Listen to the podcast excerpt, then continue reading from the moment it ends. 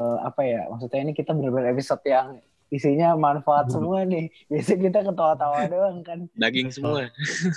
Daging semua. Iya ini kan nah, segmen baru nih di broadcast ya BPAD hmm. yang eh BPAD SAG. Stigma awal tentang KP formalitas tuang tuh jujur ada sih di gua. Cuman setelah oh. ini ya emang harus di, benar-benar ditargeting sih dari sekarang walaupun KP nanti. Ya gue sih siap-siap aja ya selagi selagi itu lain gitu. Nah, tapi di, setelah setelah beres di telepon itu nah gue bingung nih ini ini perusahaan apaan ya? Gue gue pernah ngapain mana gitu. Tapi pis balik lagi sih diri sendiri. Mau mau apa ya? Memanfaatkan kesempatan ini atau enggak gitu. Soalnya internship kan istilahnya kayak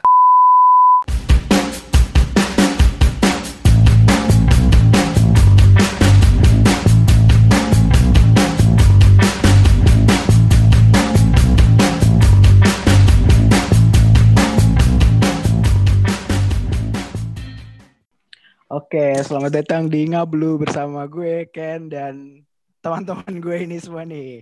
Ken, lu jangan kayak orang baru buka puasa. ya, ya, ya. Anjir, asli. Ngablu itu sebenarnya apa sih, Sa? Ngablu itu ngobrol bareng alumni. Sebenarnya ngapain aja sih uh, kita sekarang nih, Dam? Iya, ini kan uh, segmen baru nih di broadcast ya BPAD hmm. yang eh BPAD SAG broadcast by SAG Study Group. Nah, jadi di Ngablu ini atau ngobrol bareng alumni, kita akan bincang-bincang nih sama alumni kita yang keren-keren kan alumni dari SAG. Eh, nice banget. Nah, mungkin sebelum masuk ke pembahasannya nih kayaknya uh, ada nama-nama baru nih yang masih asing kayaknya di telinga yang belum pernah hadir di podcast ini nih. Nah, mungkin karena emang uh, yang dengerin udah biasa banget ya dengerin suara gue dari episode 1 sampai 6 uh, gue bakal kenalin teman-teman gue aja nih. Jadi yang pertama ada Aksa. Mungkin Sa, silakan Sa. Halo semuanya kenalkan nama gue Muhammad Aksal Mubarak. Terus kesibukan gue sekarang ya gini-gini aja lah. Nggak ada yang urgent banget sih. Ya itu cukup oke mantap. Selanjutnya mungkin ada siapa nih? Halo kenalin nama gue Desi gue salah satu anggota SAG Study Group juga di tim broadcast. Udah itu aja sih. Mantap. ya, gue Adam. Ya, jadi kali ini sebenarnya pembawa acara ya dari tim broadcast NISI 4203. oh, iya, karena ini oh, fun fact aja isinya anak 4203 semua kecuali. Iya. Yeah. Jadi dan pertama kali juga nih uh, broadcast uh, nggak pertama kali sebenarnya dua kali ya setelah episode kedua akhirnya hadir juga nih podcaster perempuan asik. Biasanya kita eh heboh sendiri ya. Kita sekarang ditemani dengan podcaster uh, perempuan akhirnya ada Desi di episode 4 ini. Nah, uh, sebelum masuk juga nih kan tadi udah pada kenalin diri dan ngasih tahu kesibukannya masing-masing nih kayaknya emang lagi pada sibuk-sibuk banget ya di uh, penghujung semester nih udah mulai parah pada chaos dan oh iya parah banget ya. Mungkin kalau dari Aksa gimana sa?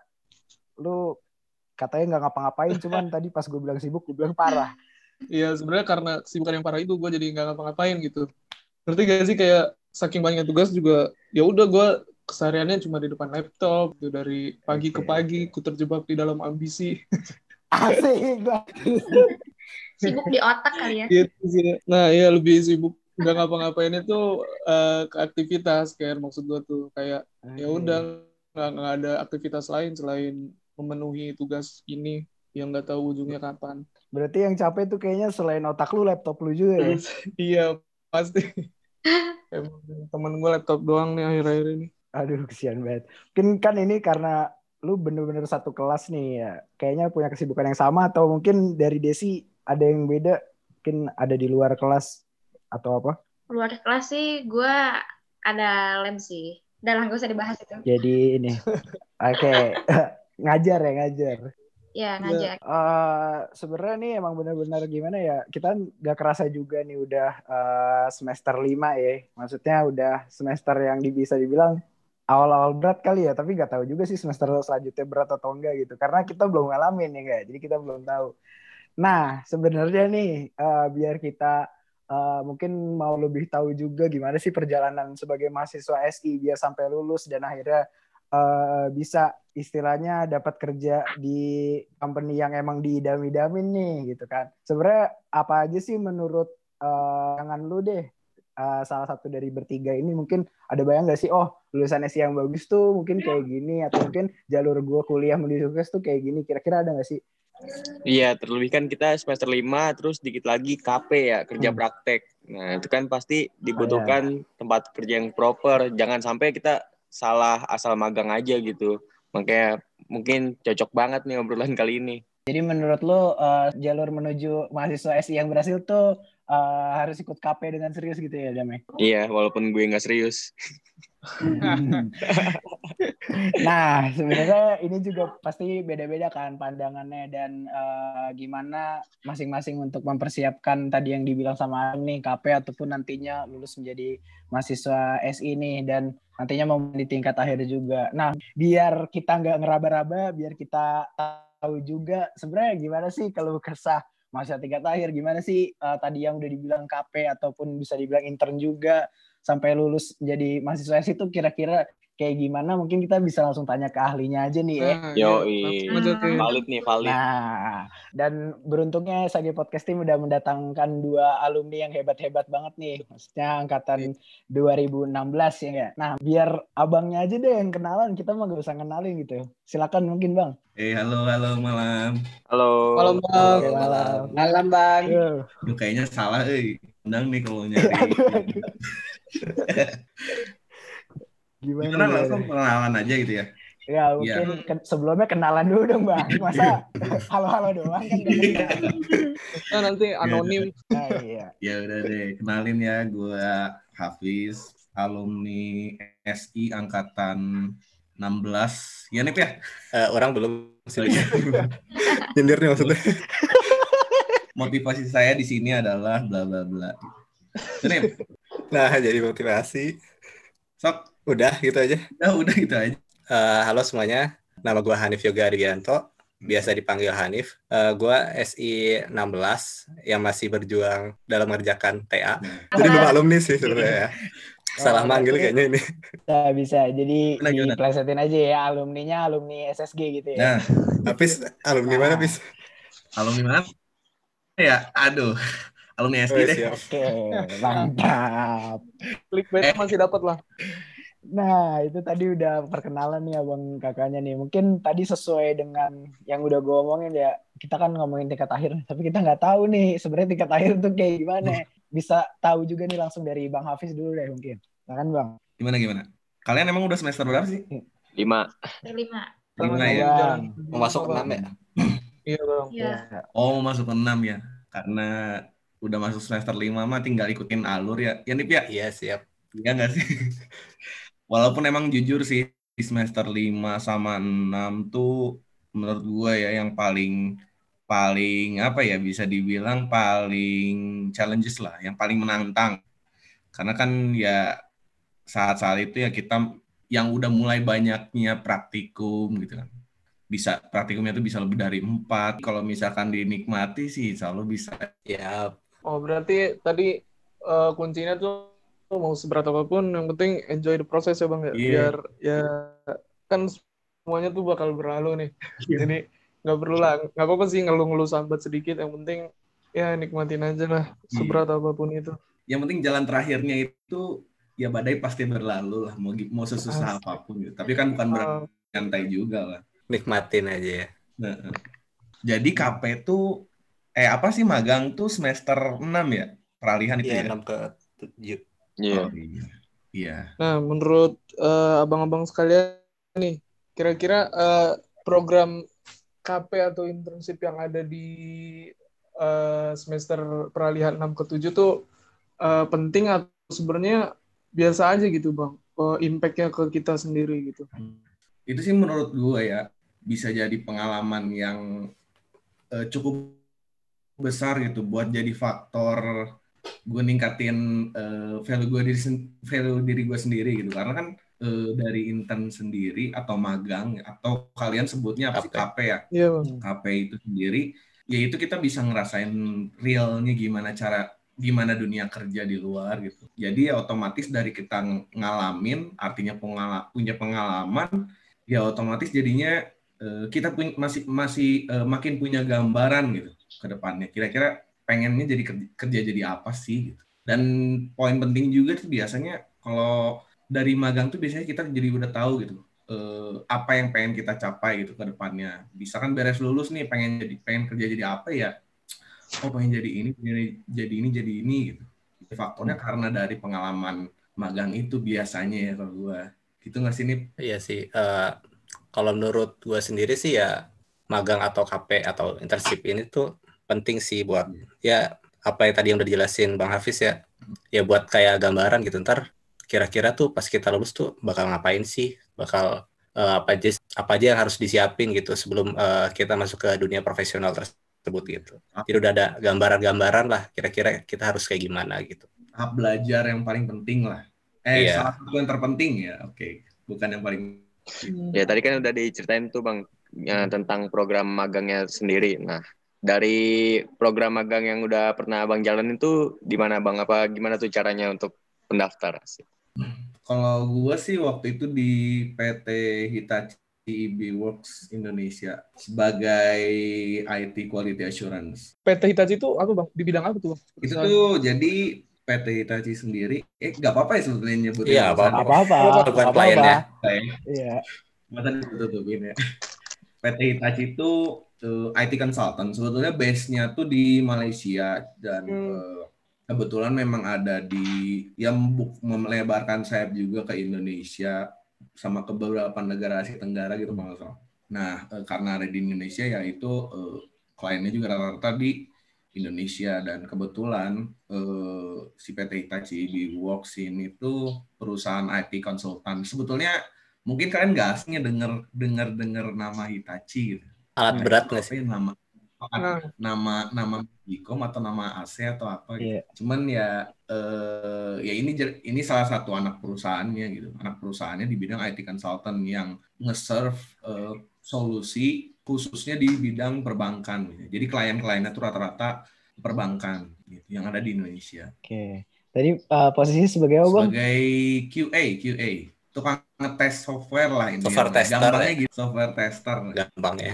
Nah, uh, untuk bisa mendapatkan itu semua Bang, mulai dari dapat magang di PT Hitachi, nah. terus bisa jadi uh, software tester itu, uh, persiapan yang Abang laku itu apa gitu? Persiapan sebelumnya apakah ada misalnya harus bisa ngepelajarin apa dulu gitu. Ada gak bang persiapan khusus? Wah persiapan sih paling lebih ke ini sih ya persiapan buat gimana nih cara dapat magang di tempat itu gitu atau di tempat yang hmm. benar-benar pengen pengen dinginin gitu didambakan lah. Hmm. Itu sih yang cukup apa ya cukup menantang ya nih ya. Karena kalau dari gue sendiri emang ketika udah denger denger dari alumni nih kira-kira mereka pada magang di mana terus pada ngapain aja. Jadi punya gambaran nih oh apa gue cari tempat magang yang kayak gini aja nggak ya?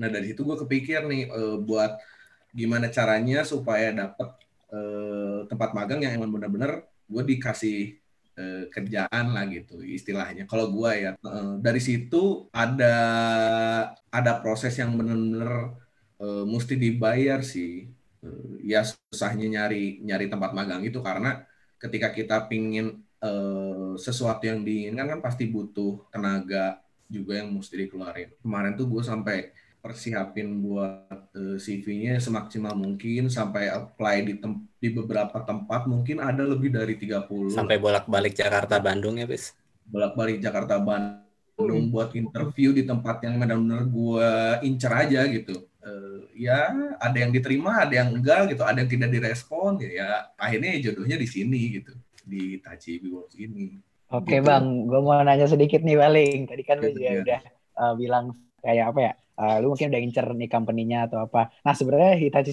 sendiri nih emang jadi tujuan utama lu gak sih bang buat KP? Uh, dibilang tujuan perusahaan sih bukan sih ya.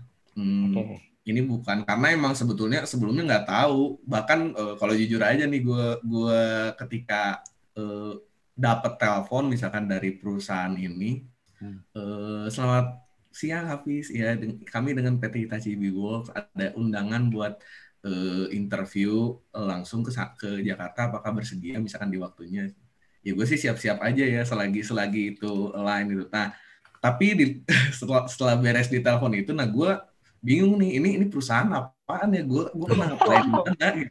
Tapi Pis, Maneh tuh sebelumnya apply CV gitu atau gimana? Gitu. Apply CV, jadi kan uh, kalau gue sih uh, kebetulan udah udah ke, uh, beruntungnya udah udah tahu udah dikasih tahu bahwa ternyata buat ngeplay atau ngelamar kerja tuh bisa dari uh, job portal online dan itu benar-benar banyak oh. dan ada juga buat untuk yang magang gitu kayak Jobstreet, Glints dan lain-lain. Hmm. Nah dari situ makanya gue cari lagi nih ini waktu itu ngeplay di mana ya perusahaan apa?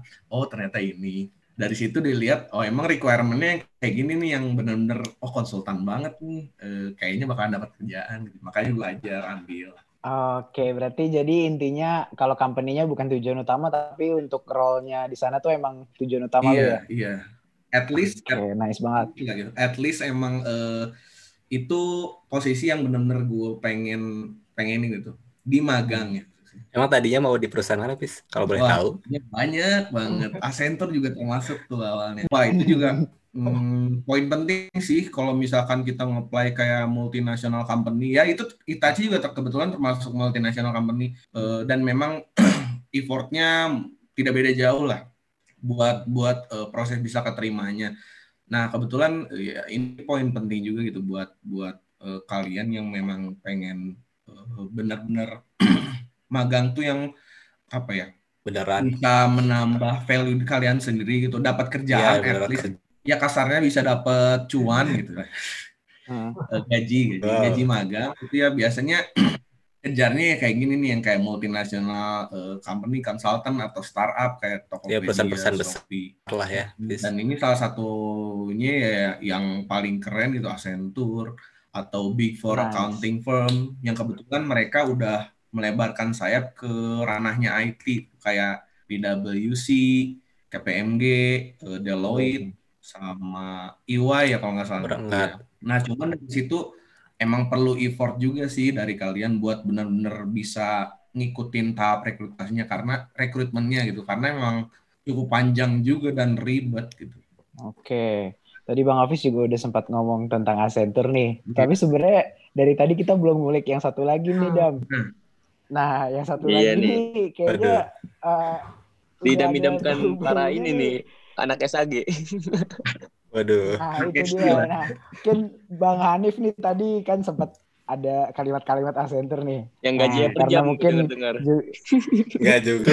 Bukan sih. Nah, mungkin Nah, tuh kata Adam gajinya per jam di dami-damin anak SAG nih. Nah, mungkin valid atau enggaknya kita tanya langsung uh, sama apa ya?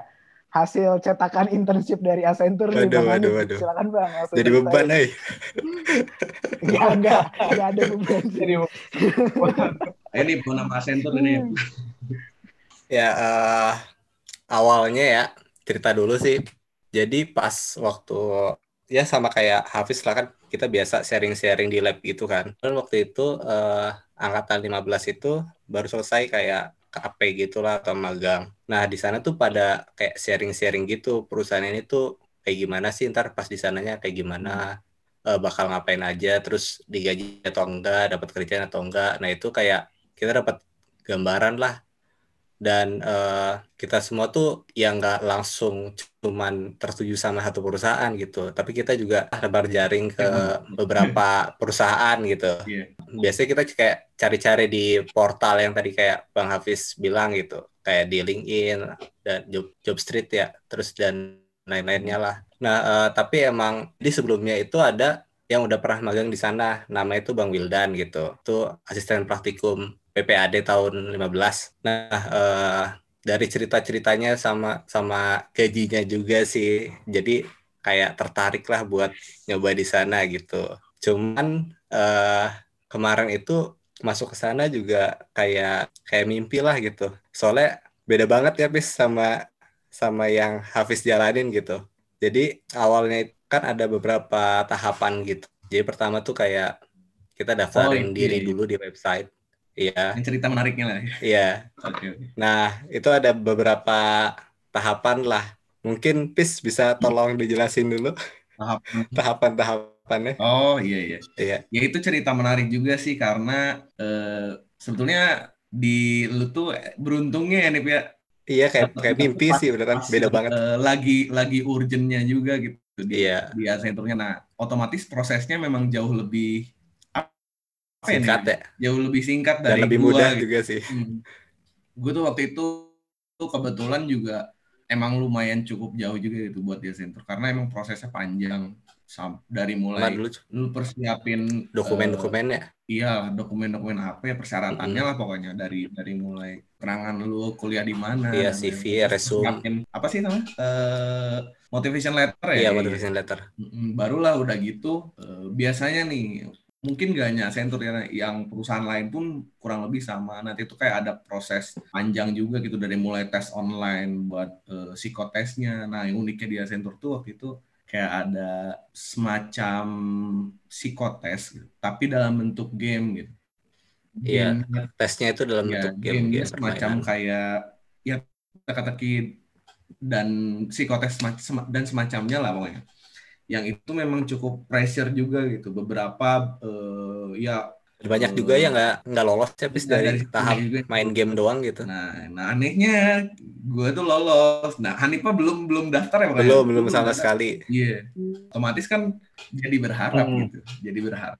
Nah, kemudian barulah eh masuk ke beberapa tahap gitu dari mulai tes, aduh tes ini Yang kok nggak inter- salah. Review sama bule mana? Oh iya, Ada jadi udah gitu tuh nanti ada interview sama sama foreign ya, orang luar gitulah. ya orang orang luar yang native speaker Iya. banget gitu, yang orang orang sananya lah, yang di mana itu dalam bentuk record gitu dan kita harus jawab dengan dengan mekanisme mereka tertentu gitu dengan bahasa Inggris juga. Jadi ya ini juga jadi catatan penting nih buat kalian yang pengen da, eh, magang di multinational company itu ya yang pertama harus Bahasa bisa ya. bahasa gitu.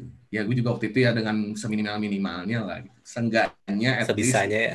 lu ngerti dan bisa Jawab. buat eh ya bangun communication yang baik yang nggak terlalu nggak harus baik sih itu dan ya waktu itu itu ya eh, jadi kayak ada proses interview gitu dalam bentuk record terus udah gitu baru kayak eh, kalau misalkan lolos lagi Interview eh, sama baru interview sama PM. eh, project manajernya gitu. Nah ini juga yang paling penting karena eh, enaknya magang di tempat yang itu tuh kita benar-benar eh, nanti bakalan berhubungan langsung sama klien. ya sama atasan gitu sama misalkan ketika yang magang di tempat yang project base lu bakalan berhubungan langsung nih sama si PM-nya lu bakalan dikasih nih tugas-tugas tertentu yang sesuai dengan kapasitas mag- eh, anak magang walaupun gitu ya cuman ya enaknya gitu gitu kita jadi eh, benar-benar eh, pengalaman di tempat itu tuh benar-benar ada gitu. Nggak hanya eh, yang mungkin mitos-mitos yang sering deng- didengar sama kalian di tempat magang di tempat perusahaan gede di mana disuruhnya eh, nyiapin kopi atau gimana? Gitu. Nah, multinasional company itu gitu gitu, dikasih kerjaan gitu walaupun cukup. Kebetulan interview tahap terakhir itu tuh si eh, Interview sama PM. interview sama PM gitu dengan konsepnya eh, dengan ya bukan mekanismenya untuk interview teknikal gitu. Jadi ntar lu bakalan dapat klien yang kayak gimana, terus lu bakalan ngerjain apa eh, dan apa yang bakalan lu kasih gitu. Dan dan mereka kasih juga gitu ke, ke kita gitu. Ya dari situ kan makin juga berharap gitu. Karena itu tahap yang benar-benar cukup jauh juga tapi ya sayangnya Belum rezeki. eh, dari situ Iya. Sudah dikasih ke kandidat lain deh gitu. Cuman ya Oke, berarti mm, lu sama Bang Hanif nih beda tahapan ya, kok bisa dibilang. beda tahapan lah ya ini. Iya, tapi di akhir-akhirnya baru sama gitu. Hmm. Jadi emang em- intinya lebih singkat lah si Hanif karena emang dia jago lah dapat momennya Hmm. pas pas Ntar, ntar gue ini? jelasin sih kenapa habis gitu. gimana nih? Gimana tuh Bang? Ah, oke. Jadi kalau di tahapan gue tuh nggak sampai prosesnya itu dari gue ngumpulin dokumen sampai di apa namanya, sampai gue kerja gitu first day itu nggak nyampe dua minggu sih. Tapi eh, kayak beberapa minggu sebelumnya. Jadi tepatnya itu se- setelah Hafiz eh, melakukan interview sama PM. Itu tuh jadi kayak tertantang banget lah. Anjir masa sih Hafiz udah udah interview sih, terus gue belum ngapa-ngapain ngapain gitu terus akhirnya uh, mulai deh coba Bismillah gitu Oh. kan apply di Accenture. Nah uh, waktu itu tuh belum nyiapin motivation letter, jadi baru ngisi di website tapi data-data itu belum lengkap. Nah tiba-tiba uh, sebelum uas lah gitu, mau deket-deket uas lah, itu tiba-tiba uh, ada HR ngirim email uh, nanyain uh, CV, terus ada waktu kosong dari tanggal berapa sampai tanggal berapa, itu dalam kurungnya juga uh, bersedia dibuat internship berapa bulan gitu, sama uh, GPA atau IPK sementara IPS lah. Nah itu ditanyain di dalam email. Terus sehari atau dua hari selanjutnya ngebales ke HR-nya, ngirimin segala requirement-nya gitu. Nggak berapa lama, dua hari, tiga harian gitu, HR-nya bales, uh, minta interview sama PM. langsung Nah, iya. Nah, itu kagetnya itu ternyata PM-nya itu uh, sama dengan PM yang waktu itu Hafiz interview juga. Jadi si Hafiz ini waktu interview sama PM itu di lab ya, Pis? Iya, lupa. di lab terus kan langsung kayak sharing-sharing itu cerita-cerita. Jadi kayak dapat chit chat apa ya beberapa Oh, iya, iya. iya kayak kira-kira pertanyaannya tuh bakal apa aja. Cuman ya Hmm. nggak semuanya juga sih. Apa ada yang sama lah. Iya, berapa ada gitu. yang sama, cuman berapa juga ada yang beda. Hmm, kalau nggak salah sih waktu itu pertanyaannya tuh lagi apa tingkat berapa, terus lagi kesibukannya apa, terus ditanya ini kan eh, waktu itu job desk-nya itu sebagai software tester. Ditanyain pernah ngejalanin pe- software tester nggak gitu, pernah ngetes suatu aplikasi atau software gitu nggak gitu. Terus eh, karena dulu pernah apa namanya ada matkul RPL kan gitu kan istilahnya kan di sana juga ada QA-nya gitu kan ngetes tes software gitu Hmm. ya bilang pernah cuman eh, nggak yang dalam skala besar gitu tuh cuman kayak kita bikin aplikasi cuman ntar kayak kita ngetes aplikasinya tersebut jadi secara ga- garis besarnya juga udah tahu gitu dan eh, sebelumnya juga udah pernah dengar tentang QA gitu kan di kuliahan jadi kayak kurang lebih tahulah bakal ngapain aja gitu Terus eh, pertanyaan yang ini juga yang paling krusial juga ini bahasa. Ditanyain Hmm. bahasa Inggrisnya udah pernah tes TOEFL nggak gitu, apa segala macam. Nah kemarin tuh posisinya kan belum tes TOEFL, cuman kayak jawab gitu. "Eh, belum sih Pak, cuman eh, kalau di kampus tuh ada kayak tes-tes gitu juga, cuman kalau dari sana sih udah udah cukup lah Pak gitu. Cuman waktu itu kan udah kayak udah lama, saya juga nggak terlalu ingat Pak ininya berapa, cuman kalau emang eh, harus komunikasi tuh mungkin awalnya agak susah gitu cuman lama-lama kan terbiasa gitu. Karena udah lama ya kan udah lama nggak Hmm. komunikasi nih pasti kan awal-awalnya kayak susah gitu tapi lama-lama kan ya udah bisa gitu lah. Nah terus eh, pertanyaan terakhir nih yang sebenarnya ya kalau buat anak SI mah nggak usah ditanyain lagi gitu. Jadi kalau kerja eh, dalam high pressure gimana gitu? Terus eh, kalau misalkan kerjanya itu overtime tuh gimana ya udah kayak ya ini juga apa ya kesempatan yang sangat besar gitu kan masa ya kita eh, maunya yang enak-enak aja pasti kan kalau buat eh, kerja sampai malam emang kayak kalau tubes juga kita kadang sampai malam juga atau kayak ada kerjaan lab itu juga emang pressure-nya tinggi apa segala macam juga bisa dikerjakan gitu. Nah, terus akhirnya itu kayak si bapaknya itu kayak kayak apa ya? Kayak Kaget. Enggak sih, kayak eh, mungkin kayak kalau didengarnya tuh kayak bapaknya wah kayak kayak ngeremehin gitulah gitu. Soalnya kan Hmm. Inggrisnya belum tes juga kan, jadi belum belum tahu skornya gimana. Tapi Hmm. eh, awalnya tuh kayak pesimis gitulah abis dari eh, interview tersebut. Jadi ya udahlah kayak pasrah aja gitu. Tapi eh, ternyata habis dari interview tersebut dua hari atau tiga hari selanjutnya tuh ditanyain eh, dapat email kamu eh, keterima di project tersebut. Terus kira-kira eh, hari Senin bisa nggak ke kantor gitu buat melakukan eh, first day-nya gitulah kayak briefing Wow. Awal sebelum kerja gitu. Jadi benar-benar dan eh, oh iya posisinya itu waktu itu eh, banyak yang apa ya namanya lagi emang lagi butuh banyak orang tapi bukan konsultan gitu tapi lebih ke butuh mahasiswa yang melakukan internship gitu. Hmm. Soalnya kan istilahnya gaji buat karyawan sama buat internship kan beda. beda gitu Iya. ya. Jadi kalau project kan kalau misalkan kerjaan banyak kan kalau ditambah orang kan jadi istilahnya bisa lebih cepat gitu. Jadi ya udah kemarin emang lagi pas aja gitu momennya. Nah, kalau si Hafiz ini itu ternyata kalau di tanggalnya tuh bener-bener mirip lah gitu. Ada beberapa hari gitu. Itu ada teman dari ini juga Universitas Presiden Hmm. yang ngedaftar jadi bareng sama Hafiz gitu sebagai QA juga atau software tester. Nah, itu emang yang satu satunya tuh udah apa ya kayak master IT gitu lah udah pokoknya jago banget gitu lah Hmm. tentang tentang IT-nya pengetahuan IT-nya tuh udah jago banget gitu dan emang pas lagi magang kemarin juga kayak apa ya skill dia tuh udah kayak ngelebihin bahkan skill-skill orang yang di sana gitu emang udah jago banget bahkan Wah, sama kompeten lah berarti. iya sama tim developernya itu malah lebih dekat sama dia daripada yang itunya. Gila bisa gitu. Dia soalnya apa ya? Dibilang tuh kayak nge-take over kerjaan orang yang sebelumnya tuh megang di beberapa kan ini kan eh, sistemnya itu ERP gitu. Kan ada Hmm. modul-modulnya. Total tuh ada 11 modul. Jadi dia kurang lebih tuh megang tuh sekitar 70% dari seluruh modul tersebut udah dia udah paham gitu alurnya. Iya, jadi ya harap dimaklumi lah. Tapi ya beruntungnya sih eh ya kecewa mah kecewa ya. Iya awalnya ya, pasti inilah Cuman, ada lah ya. Eh, dari situ sih beruntung ya. Maksudnya eh, kita jadi ngerasain gitu eh, gimana prosesnya buat apa buat eh, cara dapetin eh, tempat magang itu. Karena memang prosesnya sama sekali tidak beda jauh gitu ketika kita lulus terus nyari kerja yang real gitu, bukan bukan posisi magang. Jadi kayak nggak kaget aja gitu dengan vibe-nya gitu. Ya udah udah pernah lah ya. Nah. apa susahnya nyari tempat magangnya Tis. Iya, sampai 30 lebih mah ada lah gue. Iya. Oh ya udahlah, ada yang buka apply, ada yang buka apply Iya. gitu. Terima enggaknya mah ya udah ya, Pis.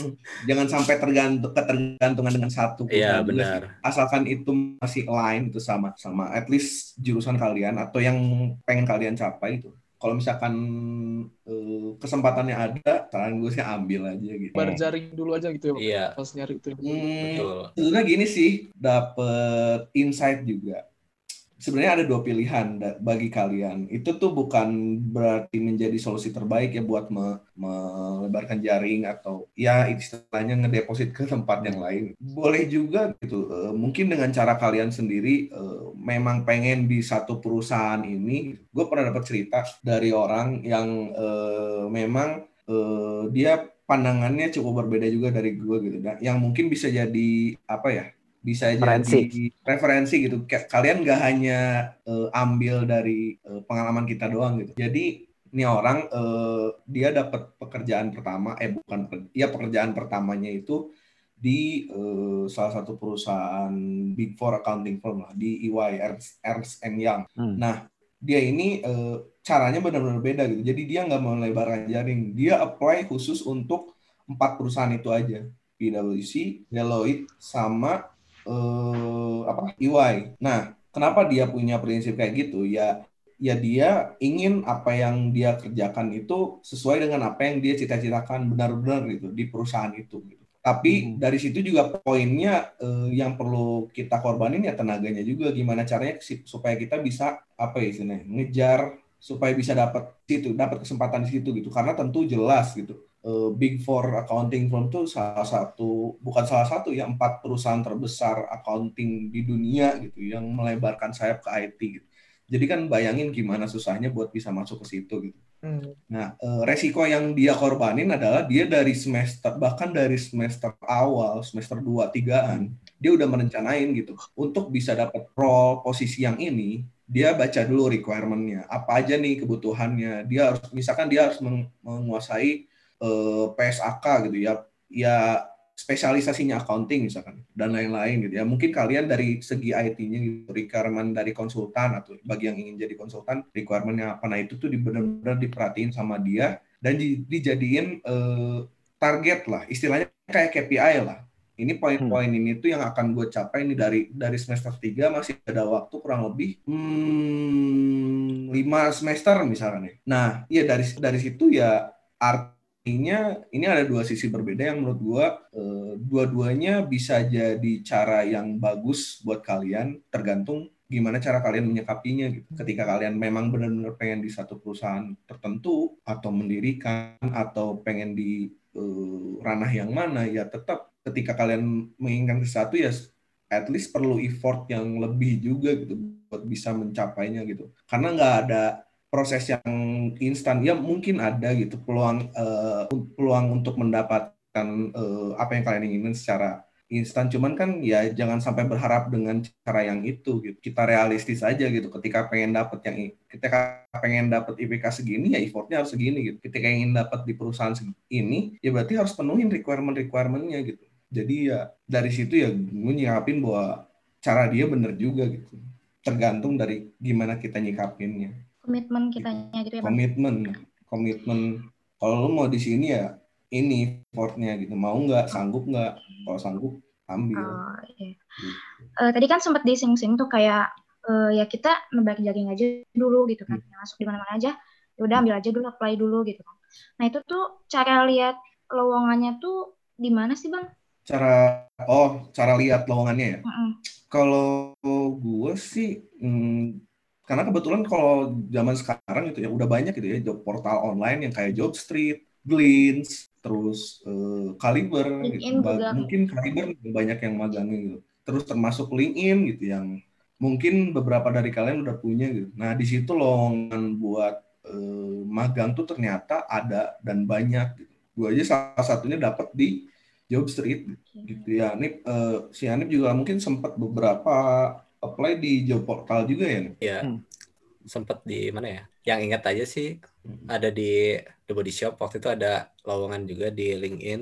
Terus ada beberapa perusahaan besar juga sih yang tapi mungkin kayak kurang terkenal gitu. Tapi di itu tuh perusahaan multinasional juga. Misalnya ada yang waktu itu basisnya dari Australia gitu sebagai kayak apa ya waktu itu kayak pengembang aplikasi gitulah kayak penyedia jasa juga sih. Iya. Cuman kayak mungkin kayak belum eh, sempat terdengar. Tapi gue juga lupa sih namanya apa berapa tuh. Iya karena kebetulan enaknya gitu, enaknya di zaman kita gitu. Jadi eh, untuk bisa apply atau lamar di satu tempat itu buat yang magang aja kita nggak perlu kayak ngider-ngider dari satu perusahaan ke perusahaan lain gitu. Iya Udah- naruh CV nggak usah ya. terpusat Iya. gitu dan tinggal apply di situ tunggu respon kalau misalkan ada kita usahain kalau misalkan nggak dipanggil ya jangan terlalu berharap. Gitu. tinggal gitu aja gitu.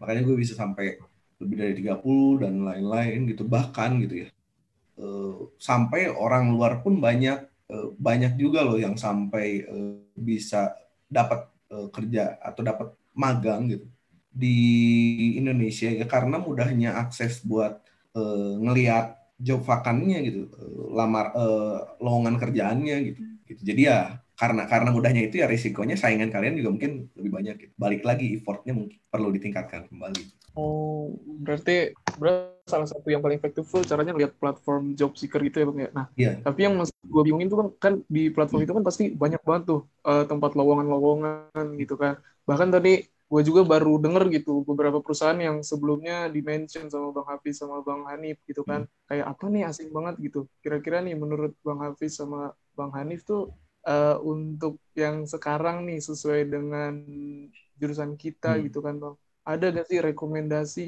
eh, perusahaan tempat internship nantinya gitu? jelas sih kalau ini juga ya jadi poin penting beruntungnya kita gitu di jurusan SI yang lingkupnya IT itu kalau di lowongan di portal job online di beberapa ya semua lah anggaplah semua semua job portal online baik di LinkedIn, Glints, Jobstreet dan lain-lain itu lowongan buat IT itu benar-benar banyak banget. Dari mulai lingkupnya sebagai konsultan, eh, programmer atau development team kayak misalkan ya software tester atau analis.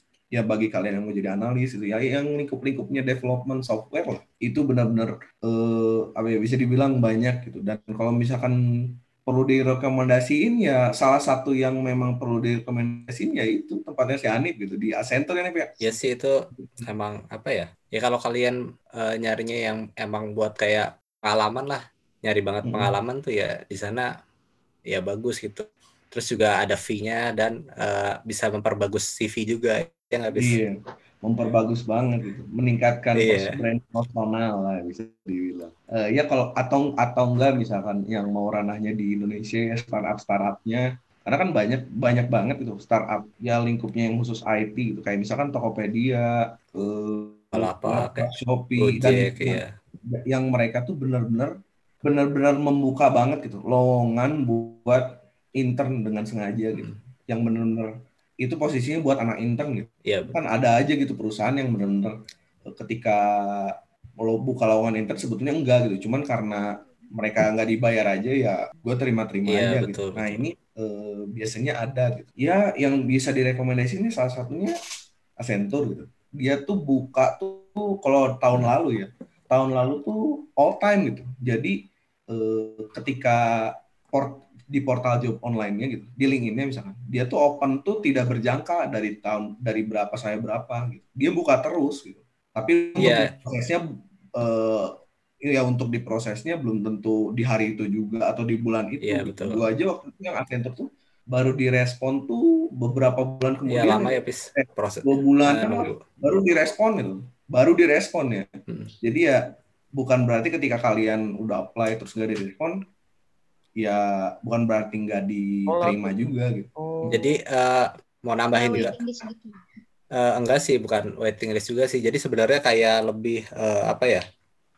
Kalau di kalau misal di Singapura atau di Malaysia mungkin emang ada kayak jadwal-jadwalnya gitu. Misalnya pas lagi eh, liburan summer atau liburan apa gitu. Tapi kalau buat di Indonesia itu eh, buka setiap tahun, eh, emang setiap hari gitu. Selama setahun itu buka.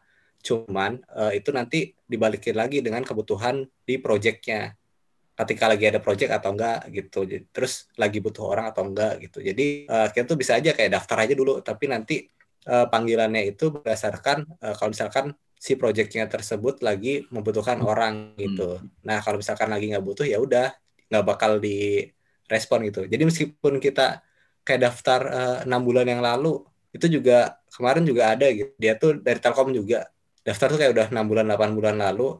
Sebenarnya daftarnya kayak buat eh, semester sebelumnya gitu. Tapi eh, nggak ada respon gitu. Terus tiba-tiba pas eh, berapa bulan setelahnya itu dihubungin gitu. Ada nggak waktu eh, dari bulan segini sampai bulan apa gitu. Nah, jadi kayak udah ada database-nya gitu lah, ntar kayak udah di qualified sama HR-nya, kayak di sorting gitu. Nah, ntar eh, CV-CV tersebut tuh ntar dikasihin ke eh, PM. Nah, ntar PM yang milih. Habis PM milih, ntar HR yang ngehubungin. Dan baru kayak interview sama PM gitu prosesnya. Berarti alurnya sebenarnya lumayan kompleks juga ya bang ya. Ayah. Iya, pokoknya kalau di Accenture udah daftar aja. Tapi dipanggil atau enggaknya itu berdasarkan eh, kebutuhan si perusahaannya lagi gitu. Nah, itu mungkin eh, tadi kan lebih ke proses dan ininya ya. Saya kayak dari prosesnya nih rekrutasi dan segala macam. Nah, ketika lu masuk deh mungkin eh gue mau nanya dikit doang sih. Mungkin dari Bang Hafiz satu, dari Bang eh, Hanif satu ya. Kendalanya nih dari apa ya? Kendala selama internship di masing-masing perusahaan nih gimana sih Bang? Satu aja sih mungkin yang paling berasa gitu mungkin. Gimana ya? Kalau disebutin ke- kendala, bisa dibilang hampir nggak ada sih, karena ya pressure-nya beda lah sama yang eh, real orang yang eh, maga, eh bukan maga, Bekerja. kerja. Karena ya ketika sesulit apa pun di situ gitu, dengan tenaga yang benar-benar dikeluarin, eh, lagi-lagi gitu dengan posisi itu tuh posisi sebagai intern gitu. Kita tuh di situ memang sambil belajar aja gitu.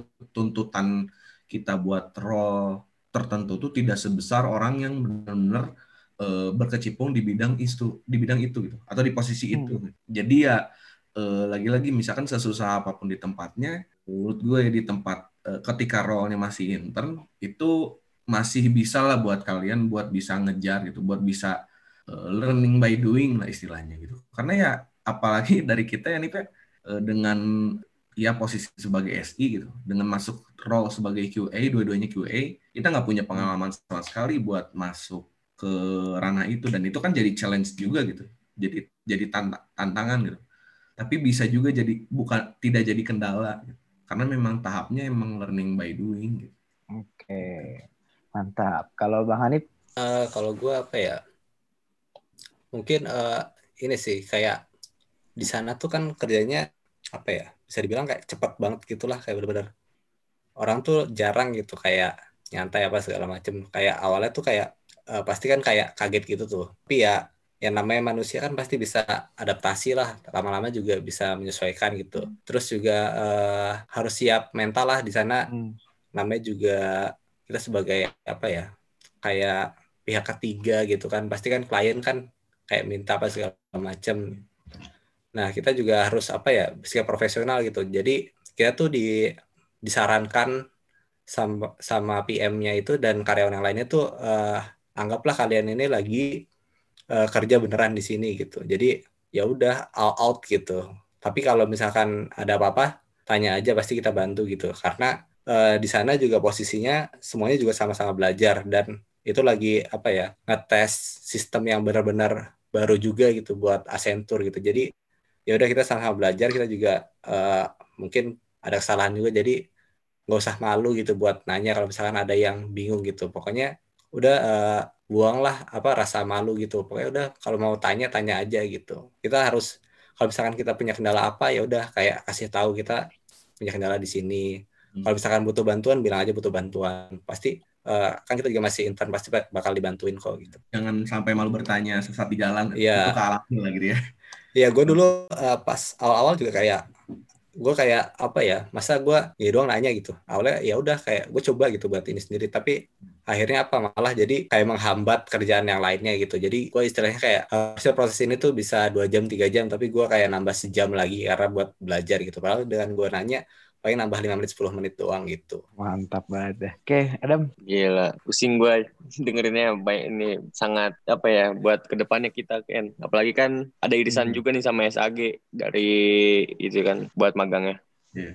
Benar. Jadi pokoknya bakalan apa ya? mungkin kelihatannya berat ya rekrutmennya banyak, hmm. tahapannya Gila. banyak atau segala macam. Cuman kayaknya bakalan jadi bekal yang apa matang banget nih buat ke depannya hmm. setelah lulus juga. Tapi yang mungkin yang menarik yang pengen gue tahu itu ada hmm. irisan juga nggak sih bang buat tinjang karir ke depannya gitu, entah di hire setelah lulus. Oh iya, itu itu jelas juga, itu jadi poin penting juga. Uh, eh, gue waktu itu magang sama lah, kurang lebih kayak si Anip ya QA juga gitu. Hmm. Uh, ya gue masukin lah jelas uh, ke CV gitu, karena ya itu salah satu pengalaman yang at least ya at least itu sesuai dengan uh, lingkupnya uh, pekerjaan profesional. Jadi kan otomatis lah itu jadiin bisa dibilang jadiin work experience gitu.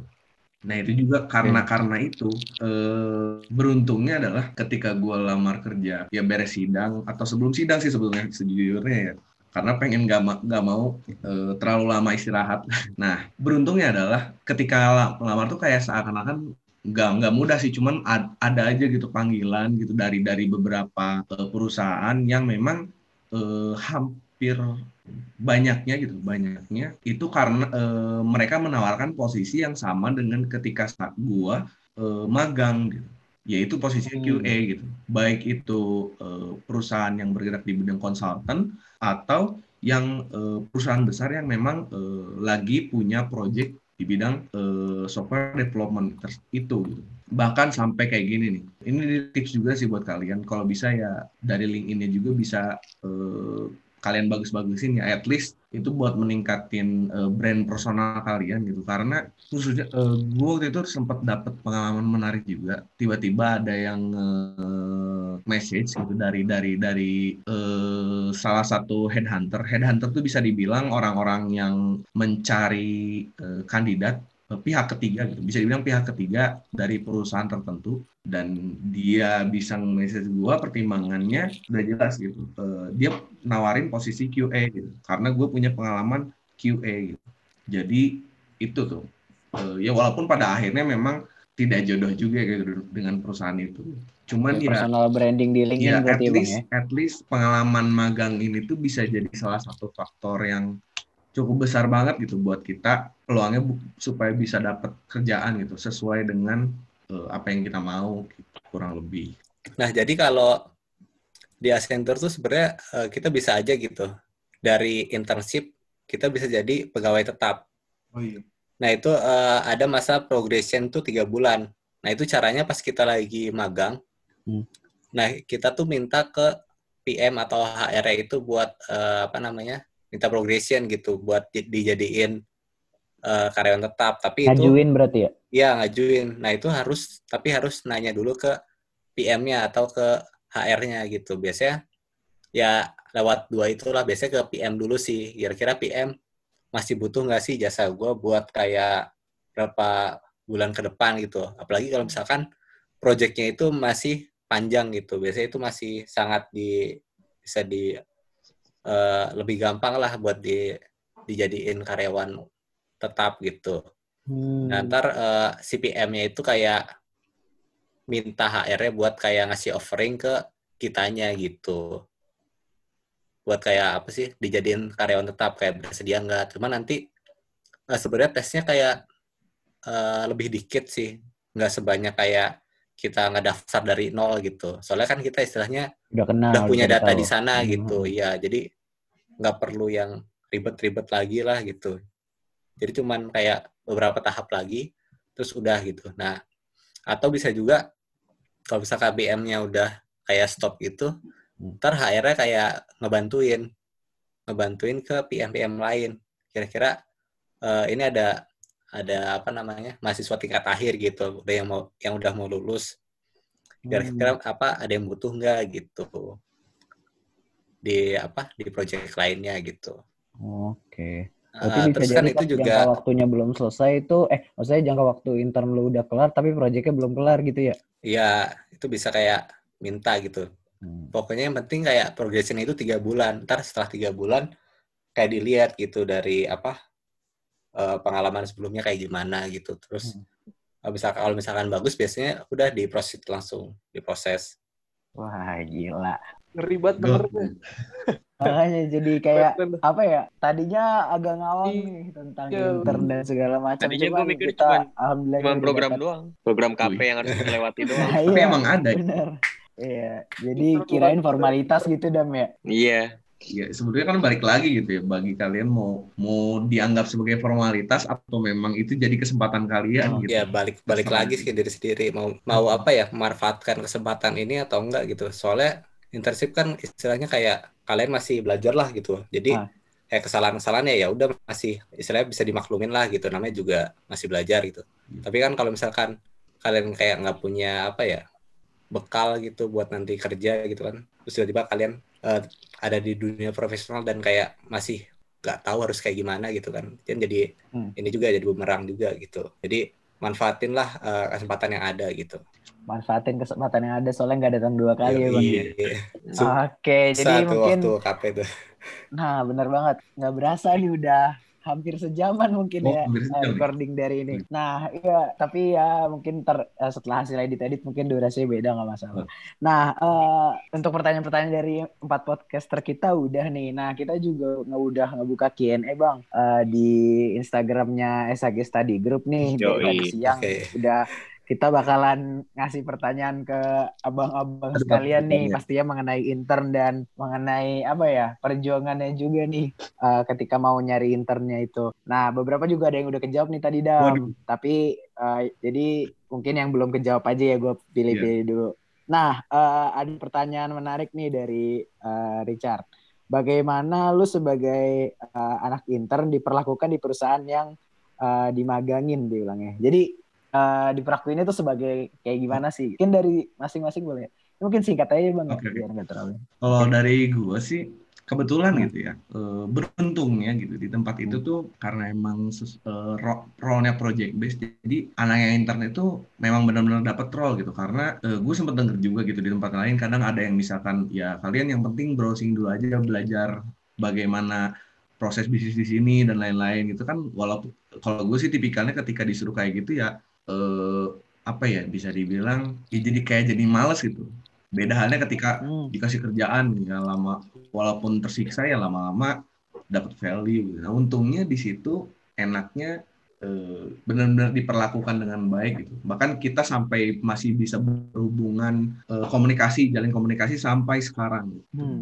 sama sama rekan kerja yang ada di sana. gitu. Kayak gitu sih. Gimana nih? Eh, kalau dari Iya. gue sih sebenarnya kalau di hadapan klien sih kita tuh harus eh, profesional lah. Kita kita harus bisa kayak yakinin kalau ke klien tuh kalau kita tuh emang istilahnya kayak karyawannya Accenture gitu. Jadi ya apa ya emang harus bisa melakukan lah apa yang kayak istilahnya diminta gitu. Tapi ya tenang aja eh, pasti yang karyawan tetapnya tuh pasti eh, ngelindungin lah ngebantuin kita gitu di mana pun kita juga masih belajar gitu Oke, berarti di, hada- di hadapan klien tetap ya kayak nyaru aja gitu ya sama pegawai tetap ya. iya Jadi benar nggak kelihatan. Oke oke.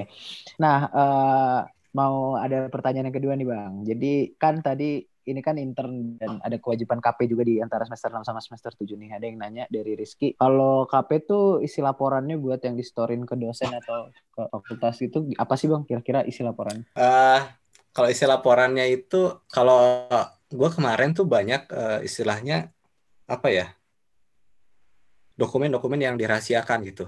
Jadi eh gue bikin nih kayak laporan itu kan harusnya kayak isi kegiatan kita ngapain aja kayak gitu kan. Sama hasilnya tuh apa gitu. Nah tapi uh, mungkin gue nggak jelasin gitu. Gue ngapain aja terus uh, di posisi ini hasilnya apa. Cuman uh, di hasilnya itu itu banyak yang kayak disensor gitulah atau malah kayak nggak ada gitu. Okay. jadi mungkin yang gue presentasiin ke dosen tuh ada beberapa yang diliatin tapi pas lagi dikumpulin tuh dikosongin gitu. Karena itu emang rahasia perusahaan. Dan itu uh, pas gue bikin emang uh, apa ya ngobrol sama si PIC gue atau atasan gue supervisor gue lah. Kira-kira data mana yang boleh gue liatin dan data mana yang nggak boleh gue liatin ya, yang, yang paling penting sih intinya yang dikumpulin ya. Pertanyaan maksudnya gitu kan ya? Iya benar rata-rata uh, ini aja sih dokumentasi sama apa yang kita kerjain dokumentasi yeah. yang kita kerjain ataupun dokumentasi real kita ada di sana. Terus udah gitu ada uh, kalau gue sih waktu itu tas list harian ya eh mingguan atau harian, harian ya harian. lupa. Harian ya, banget sih. Harian sampai 40 hari kan itu syarat iya, 40, 40 hari. hari. Nah sampai 40 hari dalam satu hari itu kita ngapain aja gitu tuh di benar-benar kita dokumentasiin gitu Iya, kayak ditulis apa hari ini misalkan kayak ngerjain apa, ngerjain apa gitu. gitu. Dan itu harus ada tanda tangannya juga ya, Pis. Iya, tanda tangan mentor kita di sana ya. dan mentor KP yang ada di Telinya. Gitu. Tapi biasanya dikasih, Dok. Dikasih syarat-syarat. Hmm. Oke, mantap, mantap. Nah, ini ada yang nanya cari tempat intern di mana bang? Oh tadi udah di ini juga ya. Sama perlu apa saja yang perlu disiapin? Tadi juga udah dijelasin. Terus, nah ada nih. Oh iya, uh, yang nanya pernah nggak sih uh, ngerasa gabut banget nggak ada kerjaan gitu terutama kan ini kan maksudnya company-nya yang kerjanya cepat banget yeah. ya yeah. dua-duanya nih pernah gak sih kayak gabut gitu terus ya udah nggak ngerjain apa-apa dan akhirnya juga emang nggak dapet tugas apa-apa gitu hmm. kalau sebenarnya gini sih biasanya di multinasional hampir hmm. hampir enggak ya ini ya kurang lebih karena ya biasanya mereka kan kerjanya khususnya di perusahaan-perusahaan swasta gitu biasanya kerjanya tuh masif gitu. Hmm. Eh, masing-masing uh, fase proyeknya tuh berdekatan. Jadi otomatis uh, yang dikerjain itu pasti uh, banyak gitu. Walaupun di gue emang sebetulnya sejujurnya gitu ada aja gitu. Satu hari dua hari yang di mana kita tuh benar-benar uh, nyantai nih uh, ketika di kantor tuh datang terus uh, karena kerjaannya masih nyantai belum ada isu ke pantry iya, sampai sehari gitu. Tiba-tiba eh udah nggak kerasa nih udah pulang. Ya udah balik gitu. Pernah kayak gitu dan itu nikmat banget sebetulnya. Uh, kalau gue sebenarnya uh, kalau gabut sih nggak bakal bisa sampai seharian sih. Cuman kalau kayak sampai setengah hari tuh lumayan banyak lah. Soalnya kan gue istilahnya ngetes software gitu. Nah itu uh, biasanya gue kayak semua targetnya itu gue kerjanya cepat. Misalkan tiga hari itu udah gue tes semua dan gue udah kasih reportnya gitu. Mana yang udah jalan dan mana yang apa masih ada isu gitu. Nah itu biasanya gue gabut itu nunggu uh, isunya di resolve gitu. Hmm. nah itu kayak bisa kayak setengah harian tuh. Malah pernah waktu itu udah mau pulang baru dapat uh, kayak baru selesai gitu di resolve dan itu kan apa ya istilahnya pekerjaan yang emang harus dikerjain gitu jadi biar hmm. biar nggak jadi PR juga besoknya gitu kalau nunda lagi nunda nunda kan pasti jadi beban kan di akhirnya gitu jadi ya udah Empuk ya iya pokoknya kalau ada kerjaan ya kerjaan jadi dulu juga sempat yang namanya gabut tuh kayak gantian gitu nggak nggak semuanya bareng gitu jadi misalkan ada orang yang kayak satu dua orang kayak misalkan lagi lagi kosong gitu. Nah itu biasanya dan ada yang orang kayak misalnya sibuk gitu. Nah itu biasanya kayak saling bantu aja. Tapi kadang hmm kayak ada kerjaan yang emang nggak bisa dibantu karena kita nggak paham kerjaan mereka gitu kan. Nah itu biasanya uh, kita tuh kayak nawarin, eh lu mau kopi nggak gitu kan biasanya pasti kayak kalau lagi penat atau apa segala macam stres gitu kan kayak butuh hmm. kopi atau sesuatu buat dicemil atau diminum gitu kan. Nah itu yang biasa ya gabut tuh kayak uh, nanyain, eh mau mau gue beliin ini enggak gitu, mau nitip enggak kayak gitu. Jadi ya udah kayak hmm. ganti-gantian aja, saling support lah gitu. Oke, biar kompak yeah. juga ya sama satu perusahaan lah. Nah, ada yang nanya juga nih, kalau apply internship itu mending ke instansi pemerintah atau ke swasta ya? Balik lagi, balik lagi, tergantung nah. kebutuhan kalian. Bukan berarti di uh, instansi pemerintah itu tidak dapat kerja gitu. Cuman ya uh, dibilang harus pilih yang mana ya tergantung tujuan kalian mau mau ngapain gitu. Kadang gini, kadang banyak juga yang misalkan dia uh, apply di perusahaan tertentu karena emang yang penting formalitas lah gue yang penting yeah. uh, udah dapat tempat KP terus bisa ngelaporin gitu itu ada aja gitu dan ya hmm. balik lagi gitu misalkan uh, banyak nih yang ngomong bahwa di instansi pemerintah itu biasanya nggak dapat kerja atau kerjaannya kadang beda jauh banget dari uh, posisinya ya itu kan uh, bukan berarti kalian nggak nggak akan ngerjain apa-apa gitu kalian mas malah di, dikasih kebebasan buat bisa explore, uh, explore apa yang ada di perusahaan itu gitu. Misalkan ketika kalian posisinya di sana nggak sesuai dengan jurusan dan itu jadi requirement dari pembina KP di tell you ya at least kan kalian bisa minta uh, apa ya kondisi di sini tuh kayak gimana gitu. Dan kita bisa analisis sendiri di situ gitu. Jadi ya dibilang lebih baik uh, instansi pemerintah atau swasta atau swasta gitu. Ya kalau dari gue sih tergantung tujuan ya, balik ke individual masing-masing uh, kalau mau yang di swasta ya effortnya segitu. Kalau di instansi pemerintah ya effortnya segini gitu. Intinya gitu. Oke. Oke oke oke oke. Mantap. Ini ada yang nanya, oh, tadi apa ya? Tips lolos di Accenture tadi udah dikasih tahu. Mantap banget oh ya. Terus tips magang di tempat yang kita tuju juga udah sih. Tips-tips. Nah, uh, berarti ini mungkin udah dari uh, IG beberapa sisanya yang mau ditanya-tanyain aja. Uh, kalau dari gue berarti mungkin nyimpulin kayaknya emang harus ngeker dari jauh-jauh hari ya, mau berapa bulan sebelumnya gitu ya bang. Bener bang. Saya kalau kan kalau bisa sih kayak gitu, jangan jangan dadakan hmm. gitu. Ya maksudnya di semester nih gue harus udah nyiapin kayak CV gue udah dimatengin, yeah. terus misalnya LinkedIn-nya juga udah diramein, kayak yeah. gitu-gitu berarti yeah, ya. benar. Oke, sebelum pamit-pamit mungkin teman-teman mau apa ya nanya mungkin apa ya Ken kalau dari gue udah tergambarkan banget sih udah lumayan jelas lah malam ini gue dalam juga ternyata kalau ditelusurin ya iya okay. jadi sebenarnya kesimpulan yang paling uh, simple itu kembali ke diri masing-masing mau ngambil kesempatan ini yeah. atau enggak yeah, kayak betul, gitu betul, sih betul, yang gue simpulin soalnya bisa kita pikir oh mungkin KP formalitas hmm. oh mungkin uh, eh, KP ya udahlah seadanya aja ngumpulin dan ya udah selesai okay, gitu. tapi selain juga harusnya emang kita melihat dari sudut pandang berbeda kalau misalnya ini tuh bakalan apa ya jadi bekal yang bagus banget nih buat lu ke depannya gitu. Uh, mungkin setuju sih ya Mas Ken ini ya uh, balik lagi ke diri kita sendiri. Terus mau magang atau internship di mana aja tuh sebenarnya uh, yang bisa nge-up kualitas diri kita tuh gimana kita niatin ya gitu. Kalau misalkan pengen seadanya terus cuma ngumpulin doang ya itu benefitnya juga nggak kerasa gitu kan. Tapi kalau misalkan kita niatinnya buat uh, kita jangka panjang atau ke depannya mau kayak gimana, itu juga bisa mempengaruhi juga kan. Hmm, betul, betul. Oke, okay. Dam, terakhir Dam. Jujur lu mau tau nggak gue lagi ngapain? Ngapain? Buka LinkedIn coy. langsung ya, langsung. Langsung nge stigma awal tentang KP formalitas tuang tuh jujur ada sih di gua. Cuman setelah oh. ini ya emang harus di, benar-benar ditargeting sih dari sekarang walaupun KP nanti PR-nya banyak nih gue. langsung nyiapin LinkedIn tuh Adam gila gercep mungkin uh, lu yang dengerin juga nih sekarang langsung siapin linkedin aja kali ya buat personal branding tuh tadi Bang Hafiz udah bilang kan penting banget soalnya sampai di message lo sama headhunter kan Iya itu untungnya juga. Tuh. Walaupun nggak dapet ya. Pada akhirnya. Itu pasti sih kalau kalian kayak apa ya istilahnya nempelin apalagi kayak perusahaan ternama gitu pasti adalah beberapa orang yang lirik ya pis iya. eh pasti ngechat gitu iya pasti kayak nanya-nanya mau uh, gimana gitu terus kayak biasanya berujung dengan offering yeah. gitu. Nice. Udah deh habis offering bisa intern di tempat yang mungkin semoga aja cocok ya sama masing-masing gitu. Amin. Oke, okay, mungkin uh, karena udah gila bahasanya banyak banget, udah lumayan penuh juga nih. Terus juga jadi mikir, wah banyak yang harus dikerjain buat nyiapinnya. Mungkin uh, sekian aja dari episode uh, ngablu ngobrol bareng alumni episode pertama uh, tentang internship ya kita kupas tuntas nih. Iya bersama ngobrol bareng alumni SSG alias ahli gitu ya. Jadi, Waduh, waduh, waduh.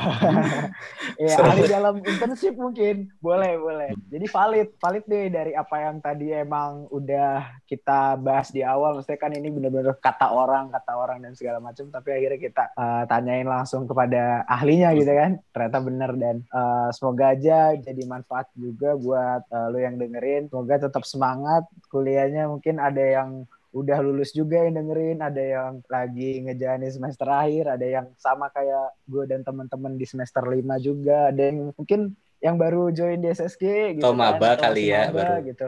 Masuk Nah, Telkom. bener. Cocok banget tuh. Nah, ini bener-bener jadi kayak istilahnya apa ya? Wejangan atau nasihat yang mantep banget lah pokoknya. Makasih banget buat Bang Hafiz dan Bang Hanif nih udah nyempetin waktu. Terakhir mungkin eh, mau nyampein apa nih Bang Hafiz sama Bang Hanif? Boleh? Ya paling apa ya? Ya ini aja sih. Eh, ya buat kalian itu yang mungkin masih kuliah terus eh, kebetulan cari internship itu atau misal lagi nyantai gitu nggak ada kerjaan. Eh, ya intinya ketika ada kesempatan ini coba jangan sia-siain kesempatannya, kesempatan magang ini karena menurut apa ya? Menurut experience atau pengalaman kita gitu, Anip sama gua gitu, internship ini eh, terbukti akurat gitu menjadi salah satu faktor terbesar gitu buat kita gitu. Eh, meningkatkan value ya, Pis. Iya, value atau brand brand personal dari personal kita branding. sendiri yang memang membuka peluang buat para recruiter gitu. Bisa dibilang gitu. Jadi jangan sia-siakan. Tapi BTW ini eh, apa ya appreciate juga lah buat kalian nih Oke. yang benar-benar ngadain event eh bukan event ad- apa ya? eh, proker lah ya, proker dari SS SSG. Ada podcast itu yang bagi gue ini cukup kreatif lah dan berani. Iya dan Bisa sangat bermanfaat lah Iya. buat teman-teman SI lainnya. Iya lah. Oke, Tepuk tangan dulu. Dan makasih juga nih ya udah diundang tuh ya, Pis, ke acara yang keren ini, Pis. Mungkin gue ada sedikit quotes nih sebelum ditutup. Jadi Oke. ada ini Mantap. sebenarnya tentang kesempatan yang yang kampus kasih untuk kita ya. Jadi sebenarnya tuh setiap manusia tuh punya kesempatan untuk jadi lebih baik. Masalahnya adalah di keputusannya masing-masing. Wih. Bijak emang. Mantap, mantap. Habis googling ya? Habis ini sih bang melihat Twitter. Oh, keren dari Google. siap, siap. Gila, eh, mantep banget sih coach lu Sa. langsung apa ya melekat lah di hati dan pikiran kita semua nih. Jadi makasih banget yang udah dengerin. Makasih juga buat semuanya yang udah eh, join di segmen Ngabulu episode pertama bahas tuntas tentang internship. Eh, gua Ken Rangga pamit. Dan gue Muhammad Aksa pamit. Adam pamit. Eh, dan gue Desfitriani pamit undur diri. Dan gue Hanif eh, pamit. Tapi kalau misalkan kalau ada yang butuh apa-apa lagi, kalau masih ada pertanyaan lah, Nah, feel free to ask kita ya, Iya. Pis. Oke. Ya, kalau ada waktu pasti kita balas lah. Do not hesitate. Iya. Anjay. Dan kalau dari gua ya terima kasih buat kesempatannya buat diundang di acara Ngablu ini dan uh, gua Hafiz pamit. Makasih semua. Dadah. Ah, Ah. thank you ya. Thank you. Thank you, thank you.